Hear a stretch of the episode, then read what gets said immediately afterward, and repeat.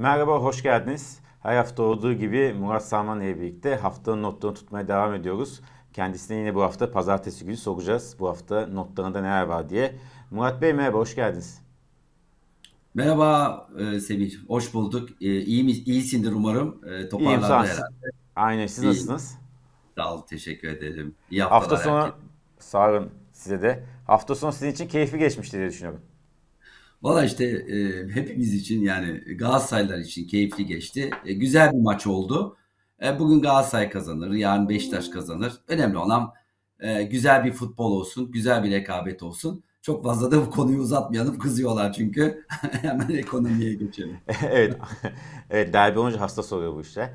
O yüzden hemen e, gündeme geçelim. Yine piyasaya konuşacağız. Haftanın öne çıkan başlıklarını konuşacağız. Ama geçen hafta programı kapatırken demiştik ki bu hafta biraz kredi üzerinde dururum. O yüzden istiyorsanız ilk oradan başlayalım. E, her hafta olduğu gibi yine bir anket yaptık. E, seyircilerimize sorduk, izleyen, takip edenlere. Son 6 ayda kredilerde aşağıdaki durmadan hangisini yaşadınız? T- kredi talep ettim ama vermediler diyen %29. Kredi talep ettim ve krediyi aldım diyenler %2. Herhangi bir kredi, kredi talebim olmadı diyenler %49 yani yaklaşık yarısı. Önce bir anketi yorumlayalım. Sonra kredi piyasalarında ne olduğunu daha detay konuşalım Murat Bey. Şimdi e, şöyle söyleyeyim. E, tabii son dönemde kredide bir yavaşlama var. Onu görüyoruz. E, hatta e, biliyorsun İş Bankası'nın genel müdürü Sayın Hakan Aran bu konuda ciddi bir e, söylemi oldu. Yani biz faizi düşürdük ama hani krediye e, erişim e, kısıtlandı e, işte BDDK'nın galiba 200'den fazla bir e, uygulama değişikliğine gitti bu yıl. E, Türkiye ekonomisi semi krediyle büyüyen bir ekonomi. Yani biz e, Türkiye'nin ana iki tane motoru var büyümesinde. Birincisi dış sermaye, e, dış finansman. E, ikincisi de içerideki e, kredi büyümesi. Şimdi e, dıştaki finansman azaldı. Onu net görüyoruz. Hem portföy yatırım hem doğrudan yatırımlarda. E, hatta e, son dönemde biliyorsun e, sendikasyonların yaklaşık yüzde yetmişi civarında yenileniyor. Bu e, azalma var sendikasyonlarda. E, ikincisi de kredide de bir yavaşlama gördük. Fakat son işte rakamlara baktım. E, bir toparlanma var. Yani son hafta, son 1-2 haftada kredide bir toparlanma var. E, herhalde burada bir grafik göstereceksin. Evet şimdi ee, şimdi ben, biraz önce gelen evet. grafik tam e, konuya evet. şey oldu. Onu tekrar vereyim. Yani pas atmış oldum. Evet. Gra, bir, grafiğin üzerinden de e, yorumlayayım. E, şimdi e, mesela e, en e, hızlı artış tüketici kredilerinde görüyoruz. E, mesela son bir haftada 100 milyar TL gibi bir artış var. İşte e, 1 trilyona ulaştı. E, bu tabii ki e, biraz şeyi de gösteriyor. Yani tabii satın alma gücü azaldığı için yüksek bir e, enflasyondan dolayı e, sürdürmek için işte borçları ödemek için daha fazla kredi alınıyor. Onu görüyoruz. İşte toplam kredi miktarı 6.9 trilyondan işte 7 trilyon üzerine çıktı toplam kredi. Bunun 1 trilyonu şu anda e, tüketici e, kredileri. E, aynı zamanda da e, e, ticari kredilerde e, bir artış e, yavaş yavaş bir artış görmeye başlıyoruz. Faizlerin de düştüğünü e, şahit oluyoruz son günlerde. Peki Cumhurbaşkanı Erdoğan geçtiğimiz hafta içi yaptığı açıklamada ki bunu işte Bakan Nebati de benzer açıklama yapıyor. Dedi ki Cumhurbaşkanı Erdoğan kamu bankalarına bu konuda destek, kamu banka bu konuda destek olacak. Bu konuda bilgen talep şey söyledim, ilettim kendilerine. E, dedi ve muhtemelen kamu bankaları üzerinden e, bir yine bir kredi irade musluku açılmaya çalışacak. Şimdi bir, önce bir şeye bakalım. Kamu özel bankaların e, kredi. Onun da grafiği var. 5 numara grafik. Siz kamu ve özelin bu kredi konusunda yaklaşımın farkı görüyor musunuz? Çünkü grafikte hemen hemen son şöyle yani grafiğin sağ tarafına bana göre sağ tarafına baktığımız esasında birbirine paralel hareket eden bir grafik görüyoruz. Ama anladığımız kadarıyla bundan sonra bu grafik biraz değişecek. Evet şimdi tabii e, yani seçim dönemine yaklaşıyoruz artık. E, bir tane videomuzun başta oydu zaten biliyorsun ekonomide sezon finali diye. Bu sezon finalin içindeyiz şu anda. Yani sezon finali dediğimiz e, seçim öncesi artık e, son hamleler. E, evet tabii ki bekliyorum. Yani başta özellikle kamu bankalarından e, bir kredi genişlemesi e, şeyi gelecek. E, dönemi gelecek. E, bu belki de seçimden birkaç ay önce e, olacak. Yani artık her şey E, e, her şey artık e, seçime e, doğru e, yöneleceğini düşünebiliyoruz. E, bu e, ünlü düşünür James Clark'ın çok güzel bir sözü var Semih. Herhalde duymuşsundur. E, e, siyasetçi gelecek e, seçimi düşünür. Devlet adamı gelecek nesilleri düşünür der. Şimdi burada e, siyasetin geldiği nokta tamamen artık seçime endekslenmiş durumda. Onun için bu e, kredi genişlemesinin gelecek dönemde, gelecek aylarda e, artmasını bekliyorum. Başta e, kamu bankaları olmak üzere. Peki özel bankalar niye kredi vermek istemiyor Murat Bey? Ve o konuda ya şimdi, şimdi ben işte yaklaşık 10 yıl e, bankalarda çalışan biri olarak söyleyeyim. Tabii şimdi bankaların sonuçta bir bilanço yönetimi var. E, bankaların bir sermayedarı var. E, ve şu anda verdiğin krediler e, sonuçta yuvarlıyorum. Yani 25-30 civarında yuvarlayayım değil mi? Verdin e, kredilerin faizleri. Şimdi gelecek sene e, herhangi bir iktidar değişikliğinde ki böyle bir ihtimal var.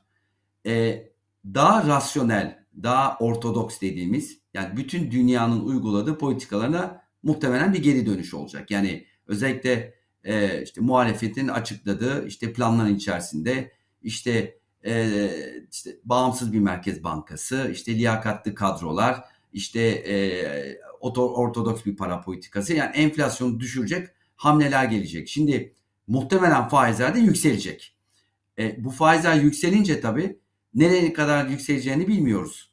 Ama düşün sen 25-30'da kredi vermişsin. Faizlerin %50-60'a gittiğini düşün. Tamamen e, rakamları e, örnek olarak veriyorum. E şimdi senin uzun vadeli verdiğin kredinin işte 25 olduğunu düşünelim. Ama senin faman yani borçlanman, bankaların borçlanması işte belki de yüzde 40-50 olacak. Yani burada ciddi bir kayıp olacak. Şunu hatırlatmak isterim. E, bankalar daha çok faiz artışından e, zarar görür. Çünkü e, fonlamaları artar, maliyetleri artar. Yani banka bankacılık dediğin nedir? Yani sonuçta bir mevduat topluyor değil mi? Bir borç evet. alıyor, bir fonlama elde ediyor. O mevduat, o fonlama ile birlikte gidiyor kredi veriyor ve aradaki marjı kazanıyor. Şimdi o fonlama, o maliyet yükselirse ki yükselme ihtimali var. O zaman o verdiği kredilerin e, arasındaki farkın e, banka aleyhine dönecek. Onun için bankalar daha dikkatli davranıyor. Bir de tabii şimdi kamu bankalarından bahsediyorsun. Arkasında hükümet var, devlet var. Yani e, orada daha çok müdahale ediliyor. Özel bankaların da sermayedarları var. Evet. Evet, esasında e, toplumdaki şey tam tersi de değil mi? Faizler yükselince sanki banka daha çok para kazanıyor gibi düşünüyor ama esasında Ya hiç öyle değil. Hiç öyle değil. E bak şimdi faizler sözde işte düşüyor. Politika faizi düştü son dönemde. İşte enflasyondan da dolayı bankalar önemli kar elde ettiler. Çünkü borçlanmaları düştü. İşte mevduat faizleri nispeten e, tam düşmese de düştü. İşte bankaların e, Merkez Bankası'ndan aldığı e, kredi e, faizi düştü e, ve kredilerin faizleri bu oranlara göre nispeten yüksek kaldı ve orada bankalar önemli marjlar elde ettiler. Şimdi e, Murat Bey piyasa konuşacağız Türkiye'deki ama istiyorsanız önce biraz dışarı çıkalım çünkü Perşembe günü ABD enflasyon çıkanacak. Herkesin gözü kulağı ABD enflasyonu da olacak. Çünkü FED enflasyon göre karar veriyor. Bildiğiniz gibi. Perşembe günü açıklanacak. Önceki en son açıklanan veri 8.2 idi. Beklenti 8.1. Sizin e, bu konudaki hem enflasyon beklentiniz Amerika'daki hem de Fed'in e, çıkacak enflasyon rakamına göre nasıl bir yol izleyeceği konusunda düşünceniz nelerdir? Semih sorun içinde çok önemli bir cümle var. Bak onu onu not edeceğim. Merkez bankaları enflasyona göre karar veriyorlar. Çok önemli bir cümle. Ee, evet. Şimdi e, belki de bir merkez bank, bir iki merkez bankası hariç diyelim. Şimdi e, evet enflasyona göre karar veriyorlar ve biliyorsun e, bir önceki enflasyon beklenenden bir tık yukarısına çıkmıştı. 88.1 beklenirken 8.2 gelmişti.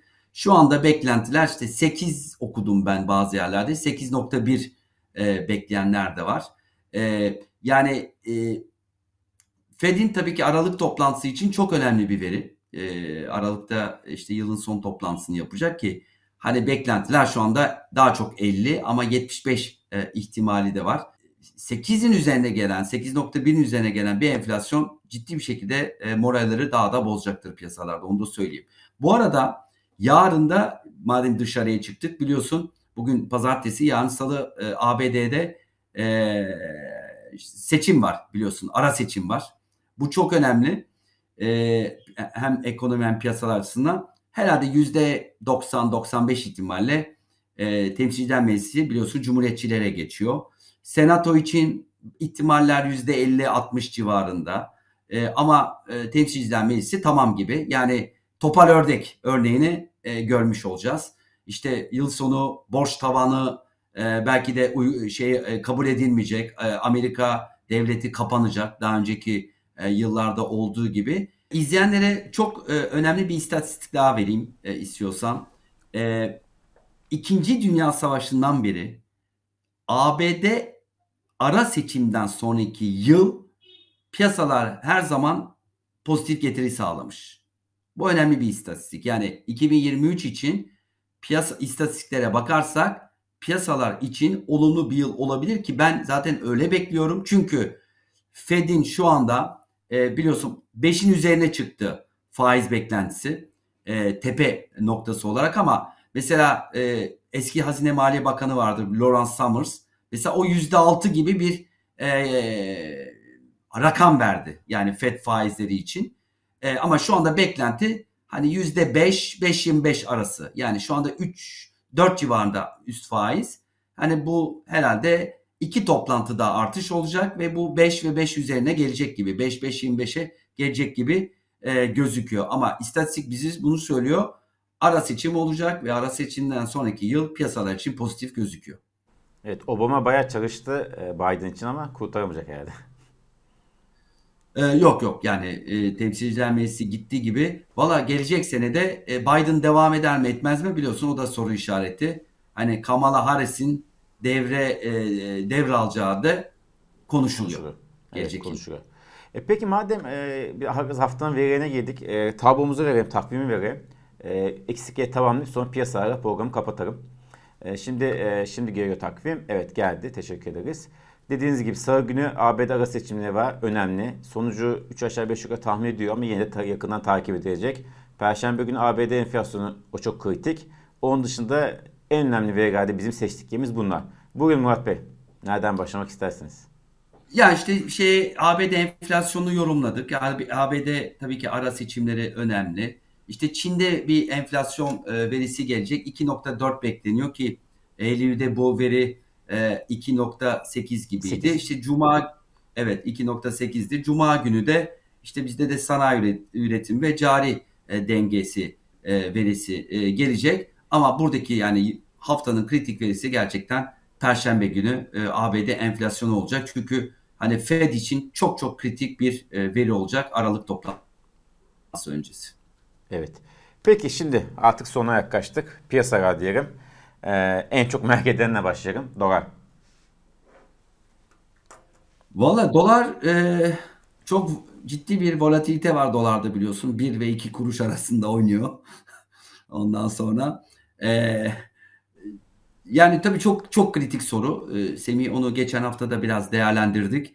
E, yani kur üzerindeki baskı gittikçe artacak onu biliyoruz.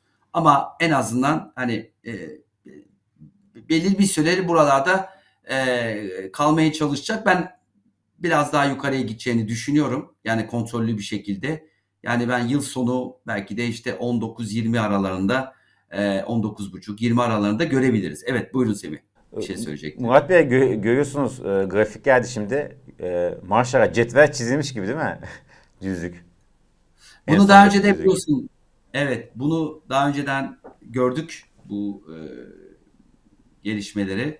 E, belirli bir süre böyle gidip ondan sonra e, kurun yükseldiğini de gördük ki böyle gerçekten böyle bir ihtimal var. Onu da söyleyelim e, gelecek dönem için. Fakat tabii seçime kadar bir kur şoku istenmiyor.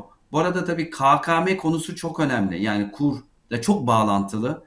Yani KKM'de artık getiri kalmadı. Yani kur buralarda kaldığı için. E, e, haftalık ciddi artışlar vardı e, KKM e, tarafında. Şimdi azaldı o bayağı. E, böyle devam ederse de yani çıkışlar olup kura e, dönülebilir. O da baskıyı daha da artıracak. Unutmayalım KKM'de de 85 milyar e, dolar var. Onun için e, e, hem kredi genişlemesi hem işte kurun artmaması, KKM'de çıkış e, olabilecek ve e, kuru kura gidebilecek, dövize tekrar yöneleceği Murat için Bey, buradaki o- baskı devam edecek. Evet orada bazı izleyicimiz şey soruyor. Yani KKM'den çıkıp niye dolara gitsin ki? Zaten KKM'de doların getirdiği getiri getiriyor diyorlar. Ama şunu söylemek lazım. Orada 3 aylık bağlıyorsunuz en az parayı. Burada dolar yaptığınızda istediğiniz zaman oynayabiliyorsunuz. Ya tabii yani dövizde kaldığı döviz zaman mevduat faizi de yükselmeye başlamış değil mi? Evet, evet. Tabii e, biliyorsun FED faizleri yani birkaç ay önce sıfırdı faizler. 0.025'ti. Şimdi %4'lere geldi. E, ama o da dediğin gibi e, daha kısa vadede olmuş oluyor. E, ya da belki de e, faiz yani mevduat bağlamasan bile e, dövizi e, istediğin zaman kullanabiliyorsun. E, şirketlerin tabii ki e, hala ham madde ihtiyaçları var. Hala döviz borçları var e, bu arada. Yani şirketlerin e, toplam borcunun yarısı hala döviz. E, onların da e, döviz talebi e, artacak. Şu anda dövizi biz biliyorsun net hata noksanla karşılıyoruz. Yani 28 milyar dolar gibi böyle bir giriş var. Nerede olduğunu, nereden geldiğini bilmediğimiz bir para.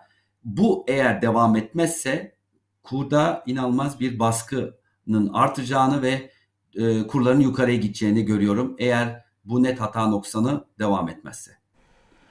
Bir de borsaya bakalım. Ee, yatırımcısını en çok sevindiren e, yere geldik. Borsaya. Yine bugün biz bu yayını yaparken hafta %1.61 yükselişle başladı. 4284 seviyesinde. Ee, borsaya ilgili ne söylemek istersiniz? Yine çok hızlı bir yükselişe girdi. Yine insanlar uyar, uyan, uyarı yapmaya çalışıyor ve uyarıyor. Yani temkinli olun, sakin olun, panik yapmayın falan, stop falan yapın diye. Siz ne dersiniz borsaya yatırım yapanlara veya yapmayı düşünenlere? Yani daha önce de söyledik yani e, işte hatta e, borsanın adını işte enflasyon korumalı borsa dedik. Yani enflasyondan şu anda korunacak çok fazla bir enstrüman kalmadı. E, onun için e, işte nominal borsada dediğim oldu. Yani nominal enflasyona göre bir e, artış e, gözüküyor borsada. E, bu yükseliş devam edebilir. Tabii ki temkinli olun. Yani e, e, çok spekülatif hisselere yatırım yapmayın. Tek bir hisseye yatırım yapmayın. Mutlaka dağıtın. Şu anda bilanço sezonundayız. E, işte bilanço son e, sezonunda e, yavaş yavaş sonuna da geleceğiz. E, belki de borsada bir dinlenme olabilir o dönemde ama e, yıl sonu e, bilanço rakamlarıyla birlikte e, e, özellikle e, yıl sonunda ve Ocak ayında e, tekrardan bir yükseliş görme ihtimalimiz var. E, ama dediğim gibi e, hazırlıklı olun. Kar satışları gelebilir ama trend hala yukarı. Son olarak altından e, bir rica edeyim. Altın sert bir yükseliş oldu geçen hafta. Bugün hafif düşüşle başladı. Ons altından bahsediyoruz. E, altın ons fiyatından. Siz altındaki sevgi nasıl görüyorsunuz gidişatı? Ya tabii altın çok soruluyor. Hatta geçen hafta bir iki yorumda da yani niye altın konuşmuyorsunuz diye. Tabii altın bizi çok ilgilendiriyor. Türk yatırımcısını çok ilgilendiriyor. Ee, şimdi tabii e, artık Fed'in faiz arttırımlarının yavaş yavaş sonuna geliyoruz. Yani yani başına değil daha çok sonuna yaklaşıyoruz. Ee, enflasyon hala e, yüzde sekizlerde. İşte en, faiz muhtemelen işte yüzde beş ile altı arasında bir yerde duracak. Ee, Şimdi altın geçmişte biliyorsun enflasyona karşı koruma aracıydı. Ayrıca tabii uluslararası gelişmeler, e, işte jeopolitik e, riskler e, hala ortada. Yani bugün Rusya-Ukrayna devam ediyor. Çin-Tayvan meselesini şu anda kimse konuşmuyor ama ben burada uyarı yapayım. Gelecekte çok ciddi bir şekilde bunu konuşacağız gibi geliyor bana. Yani okuduğum, dinlediğim kadarıyla hani Çin'den bir hamle gelecek gibi gözüküyor. Ee, yani bu konunun uzmanları bunu yazıp çiziyorlar. Ben de yakından takip ediyorum. Bütün bu gelişmelere altın fiyatlarını yükseltebilir gelecek dönemde. Bir de altın hep şöyle denir. Yani faiz yükselirken yüksek faiz varken işte altın fiyatları için iyi değildir. Evet pozitif reel faiz varken evet ama hala Amerika'da da dünyanın çoğu yerinde de negatif reel faiz var. Bu negatif reel faiz dönemlerinde de altının yükseldiğini gördük son yıllarda. Evet. Çok teşekkür ederiz Murat Bey. E, kapatırken e, Elon Musk'tan da çok az bahsedeyim. Twitter'da biliyorsunuz çok kapsamlı işten hmm. çıkartma var. Doğrusu Facebook'ta da varmış, Meta'da da varmış. E, ama Twitter ve Elon Musk gündemde değil mi? Ya bir şey söyleyeyim. Bunu düşünüyordum Semih. Yani Twitter için acaba kötü mü oldu bu Elon Musk'ın almasını? Çünkü hani çok tuhaf şeyler olacak gibi geliyor bana. Çok çok yani değil mi? Yani sana da evet, böyle geliyor. Ama çok da para verdi Murat Bey esasında. Yani öyle hobi bahçesi yani, gibi bir şey yapabileceği bir şey de değil yani esasında.